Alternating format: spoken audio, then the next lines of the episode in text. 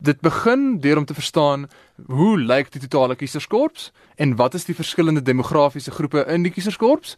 En volgens my analise is daar ek dink 21 homogene groepe in Suid-Afrika wat min of meer in blokke stem. Byvoorbeeld wit kiesers in die noorde van die land het histories sterk vir die DA gestem. En dan moet ons kyk na peilings, ons moet kyk na tussenverkiesings en op hierdie stadium voor 'n verkiesing doen dit eenvoudig 'n bietjie gut feel oor gaan die DA beter of swakker doen as laas. Dis die tipe denke wat in die modellering ingaan vir elkeen van hierdie 21 homogene groepe uit hierdie land. Watter rol speel veranderlikes soos die feit dat daar binnengevegte in die DA was, ja. ander probleme in die ANC, die beskuldigings teenoor die EFF oor korrupsie, hoe groot rol speel die veranderlikes? Dit speel 'n groot rol in die besluite wat mense neem oor hoe om te stem, maar in die modellering wat ek doen, is dit baie moeilik om daarvoor somme te maak. Al wat mense kan doen is om aannames te maak en te sê wel, as die DA X persentasie gekry het in 'n sekere groep in die vorige verkiesing, dink ons dit gaan meer of minder wees. Wat sê die peilings? Wat sê die tussenverkiesings en dan doen ons 'n analise van wat die moontlike reeks is van die DA se uitkomste is. Is daar 'n manier om uit vorige stempatrone uit te kan agterkom wat die tipe goed is wat moet gebeur voordat 'n party erg geraak word ten opsigte van sy steun in 'n verkiesing? Ek dink hierdie tipe van dinge is baie dinamies en verander baie oor tyd, maar ons het in ons onlangse geskiedenis 'n baie goeie voorbeeld hiervan. So, ek dink die rede hoekom ek baie belangstel in die 2019 verkiesing is omdat dit 'n baie rigtinggewende en insiggewende verkiesing van ons gaan wees, want ons is op 'n baie onsekere oomblik, spesifiek vir die ANC se steun onder swart kiesers. En kom ek verduidelik vir jou wat dit beteken.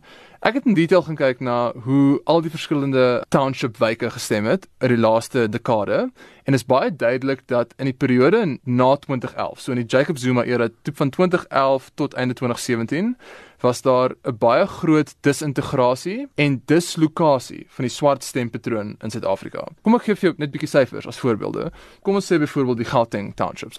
In 2011 het die ANC 86% van daardie kiesers gewen en terloops hulle 86% van township kiesers omtrent oor die hele land en elke provinsie het ons konstant gekry. In 2014 was hulle af na 75% toe. So dis minus 11. In 2016 was hulle af na 69% toe.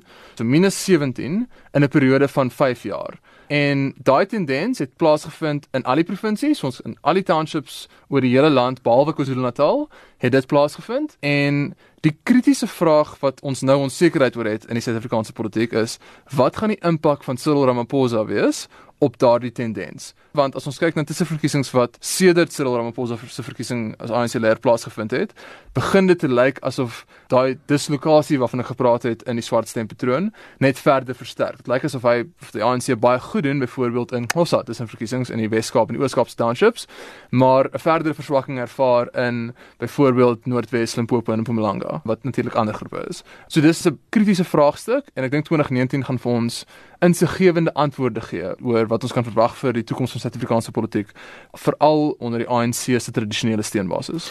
Ons kan nou verder daaroor praat, maar wat nou interessant vir my is uh, wanneer jy daai dramatiese daling in kiesersteun aan die ANC gee, nie wat het met hulle gebeur? Nee, hulle het vir ander partye gaan stem en kom ek sê gee die historiese syfers. So in 2011 was dit 7%. So die DA het 7% van die townships in Gauteng gewen in 2011. Toe in 2014 wen hulle weer net 7%, so presies dieselfde geval. So jy's reg, dit nie die jaar gegaan in 2014 nie. En in 2016 was dit op na 10% toe. So met ander woorde teen 2016 het die DA 10%, min of meer 10% van die swart stem in Gauteng townships gewen. Die EFF is 'n groot rolspeler in hierdie prentjie en soos ons gesê het, die ANC het weet minus 16 of minus 17 ervaar in daai periode. Die DA het net plus 3 gekry. Die ander is als EFF toe. In 2014 het 13% gehad in Gauteng townships, in 2016 16%. So ons praat van 16% vir die EFF, 10% vir die DA en 69% vir die ANC in die townships in Gauteng. En met daai tipe stempatroon en ons weet wat in die voorstedelike gebeur gebeur, dis wat die DA baie baie goed doen met groot opkomste.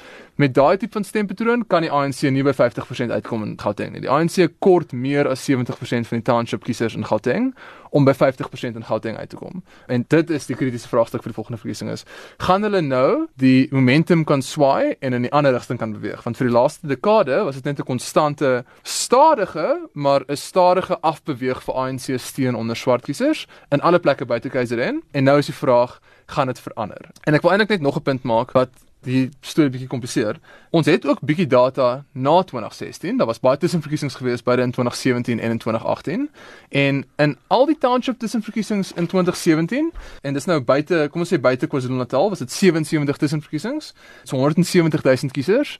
Net in die townships was daar 19 wyke, so 42 000 kiesers, minus 12.5% vir die ANC in 2017 onder 2016. So met ander woorde, hulle het swak gedoen in 2016, dit hulle nog minus 12.5% in 2017. In 2018 lyk die prentjie bietjie beter vir hulle. Hulle is nou net in die 2018 tussenverkiesings wat 20000 kiesers was of so van 20 wyke of so, is hulle minus 7.5% onder die 2016 vlak. So met ander woorde, selfs swakker as die baie swak verkiesing in 2016 vir die ANC in die tussenverkiesings in die laaste 2 jaar.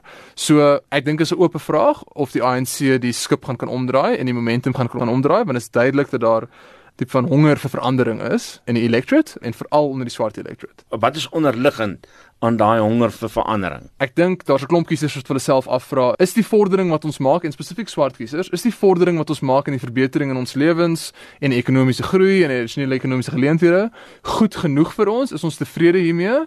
En ek dink daar is 'n groot gros kiesers wat sê nee, dit is nie en kom ons kyk of daar nie dalk beter ander opsies is nie. En dan is daar van die kiesers wat sê nee, dit is nie, is daar kan of drie antwoorde op die vraag in die township electorate op hierdie stadium. Die een antwoord is ja, dit is nie goed genoeg nie maar nie die DA of die EFF gee vir my 'n beter antwoord nie, so ek gaan of wegbly of ek gaan net weer ANC stem. Die ander antwoord is ek soek 'n meer radikale approach tot ekonomiese transformasie. So ek soek aggressiewe transformasie. Die stadige proses wat ons tans volg is nie vinnig genoeg vir my nie. Ek voel dit nie in my lewe nie, so ek gaan EFF stem.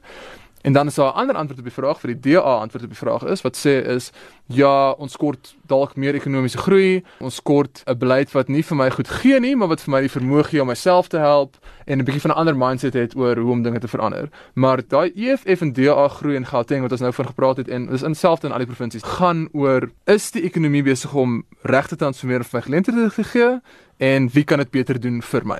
Die kwessie van 'n lojaliteitsstem mm -hmm. om vir 'n party te stem kom wat wil want dit is die party wat my pa, my oupa voorgestem het wat my vryheid voorgeveg het.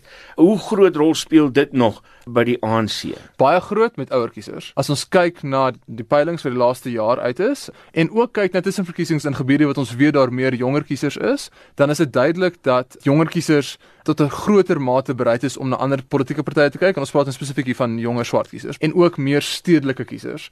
En dan tot 'n sekere mate gaan dit ook bietjie oor taalgroepe, so dit lyk asof in plekke soos Noordwes, uh, Limpopo, Gauteng, die Vrystaat is daar meer van 'n belangstelling om na ander politieke partye te kyk, terwyl die Oos-Kaap, Wes-Kaap en KwaZulu-Natal die ANC se tradisionele steun nog sterker is. En ek dink dit is in alle waarskynlikheid baie te doen met Jacob Zuma wat meer populêr was in daai gebiede, maar ek dink jy's reg, dit gaan tot 'n sekere mate oor loyaliteit onder ouer kiesers veral. Nou kom ons kom by die punt uit wat ek dink die meeste luisteraars eintlik voorvra is. Mei 2019, dis wanneer die verkiesing is. Dis om die draai. Hmm. As ons dan nou vir mekaar sê dis amper verkiesing en mense waag voorspellings en daar's mense wat pront uit sê die ANC gaan dalk nie hierdie verkiesing wen nie. Hulle is verkeerd. Die ANC gaan hierdie verkiesing wen. okay, so so ek het gesê ek gaan nie enige voorspellings maak wat nee. wat konkreet is nie, maar hierdie een sal ek vir jou 'n absolute konkrete voorspelling maak tensy daar 'n uh, klip uit die hemel uitval of tensy daar 'n totale nuwe party gestig word in die volgende paar maande wat hoogs hoogs hoogs onwaarskynlik is, gaan die ANC verseker die grootste party wees en take it home, die ANC gaan meer as 50% van die stem kry. Nou weet ons, jy sê die ANC gaan beslis hierdie verkiesing wen. Ja. Die ANC gaan meer as 50% kry. Hoe ver meer as 50%? Dis die vraag. So ek dink kom ons kyk bietjie na konteks, right? So daar was een goeie peiling gewees hierdie jaar. Daar was 'n klomp peilings gewees hierdie jaar, maar nie baie van hulle was baie goed gewees nie. Daar was een goeie peiling wat die SAIRR peiling was en hulle het 59% vir die ANC gehad, 22% vir die DA en 13% vir die EFF. Dis 'n resultaat wat baie lyk soos ons 2014 resultaat, né? So as ons nou terugdink oor die verkiesings in die laaste paar jaar, in 2011 het die ANC 62% van die stem gekry met die DA op 24 toe in 2014 kry die ANC weer omtrent 62 en die DA kry omtrent 22 en die EFF kry toe 6 En in 2016, met die groot verskywing was, is die ANC af na 54% toe, en die DA op 27 en die EFF op 8 gewees. So, nou is die groot vraag, hoe vergelykbaar is daai 2016 resultaat met wat ons volgende jaar kan verwag? Nou 54 is nie ver van 50 af nie, right? En ek dink dis wat baie mense dink oor, o, miskien gaan die ANC nou self swakker doen en onder 50 wees. Maar daar's 'n paar baie belangrike konsiderasies om aan te dink wanneer ons hierdie som begin maak. Die een konsiderasie is dat opkomspatrone totaal verskillend lyk in nasionale verkiesings as in local government verkiesings. Okay, munisipale verkiesings. In 2016 was 'n munisipale verkiesings. Munisipale verkiesings is altyd beter vir die DA en swakker vir die ANC en die rede daarom is dat wit kiesers en minderhede oor die algemeen gaan stem net in elke verkiesing in 'n relatiewe hoë mate. Terwyl swart kiesers in baie hoër mate stem in nasionale verkiesings, maar nie in sulke hoë persentasies in munisipale verkiesings nie. Dis 'n tendens wat ons in demokratiese Suid-Afrika van die begin af gesien het. Kom ek gee vir 'n voorbeeld hiervan. In die hele Wes-Kaap, in al die voorstedelike gebiede in 2016, het 74% van mense in voorstedelike gebiede gaan stem. Voorstedelike gebiede in die Wes-Kaap is baie minderhede, baie wit en bruin kiesers. In townships, plekke soos Khayelitsha, Langa, Philippi, waar die ANC se steun is in die Wes-Kaap, het net 54% van mense gaan stem. So dis 'n 20 persentasiepunt verskil, weet? 74% opkoms in die suburbs en 54% in die townships. En wanneer dit gebeur, het dit 'n ongelooflike groot impak op die resultaat, want dit beteken dat minderhede veral se verkiesingsimpak is groter as hulle fair share van die populasie.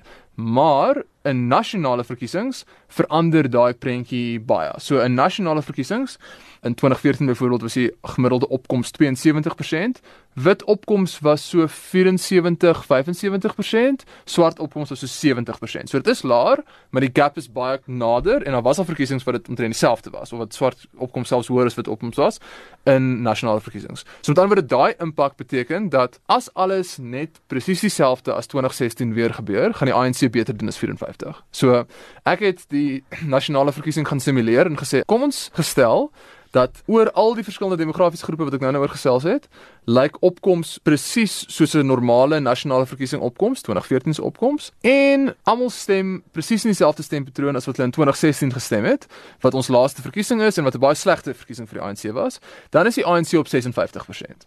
So dan is die groot vraag, wel gaan die ANC swakker of beter doen in hierdie verskillende groepe?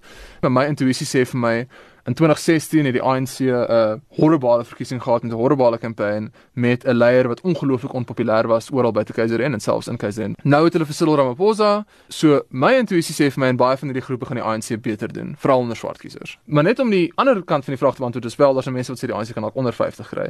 Vir die ANC om 'n natuurlike vlak van ondersteuning in my opinie van omtrent 56% heidaglik te gaan na onder 50% sou 'n uh, absolute aardbewing in die townships kort want die stemme teen die ANC is al klaar almal ingetel in daai 56 scenario in die versedelike gebiede met dan weer al die minderheidsstemme is al klaar ingetel en al die EFF en DA stemme wat in 2016 swart stemme wat teen die ANC gestem het is klaar ingetel. So daar kort nou nog omtrent 20% van die townships wat moet wegswaai van die ANC af vir die ANC om onder 50 te kom in 2019 en ek dink dis baie onwaarskynlik gegee die peilings wat ons gesien het en gegee die mood in die land. So die ANC in my opinie tussen tipe van 55 en 60 as jy dit op die breed span wil maak, maar ek dink meer soos 56 tot 59. So net so vir interessantheid, vroeër jare toe die ANC nou in die eerste verkiesings was die groot vraag altyd oor die 2/3 meerderheid. Ja. Speel dit nog 'n rol?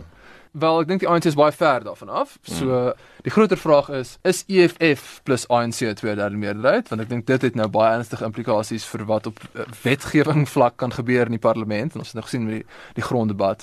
As EFF plus ANC oor die tweederde skry, is daar 'n uh, hele nuwe reeks van moontlikhede wat bestaan en tans het die ANC plus EFF meer as tweederde, so 62 plus 6 is 68. So hulle het 'n tweederde meerderheid. Gaan hulle na 2019 uh, same 'n tweederde meerderheid hê? Ek dink dit is baie baie waarskynlik waarskynlik want ons sien die ANC gaan af, right? So 54 laaste verkiesing, ek het nou gesê erns tussen 55 en 60 en dis minder as die 62 wat hulle laas gekry het. Van die stemme gaan DA toe, van die stemme gaan bietjie terug EFF toe, maar baie van dit gaan EFF toe. Ek wil terugkom na die verlies aan steun vir die ANC waarvan 'n deel direk toegeskryf word aan Jacob Zuma. Mhm. Mm en die feit dat jy gesê het daar is 'n moontlikheid dat Cyril Ramaphosa weer 'n bietjie steun vir die ANC kan terugwen. Mm -hmm. Is dit moontlik dat hy dieselfde tipe steun kan terugwen as wat Zuma vir die ANC verloor het?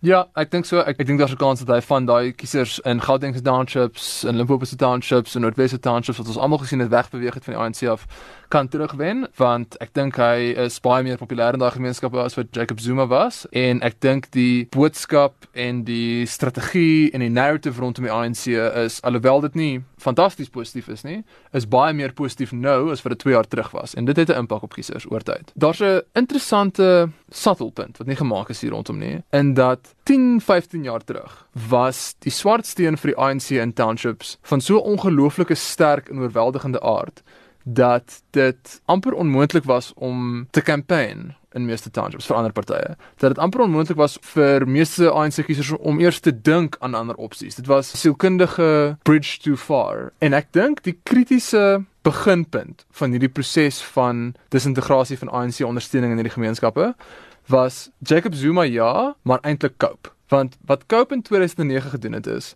it legitimized oppositie teen die ANC in daardie gemeenskappe. En dit Cope het nie verskriklik baie stemme daar gekry nie, maar hulle het sekere stemme daar gekry en hulle het daar kampanje. En na Cope het die EFF begin, met die DA bietjie beter begin doen in daardie gemeenskappe. En ek dink daar was 'n belangrike sielkundige verskywing in daardie gemeenskappe wat dit dit is nou oukei okay om aan alternatiewe te dink. Vir die eerste keer is nou baie meer waarskynlik om elke verkiesing, nie in 2019 of 2014 of 2016 nie, om elke verkiesing te dink oor watter party gaan nou vir my die beste doen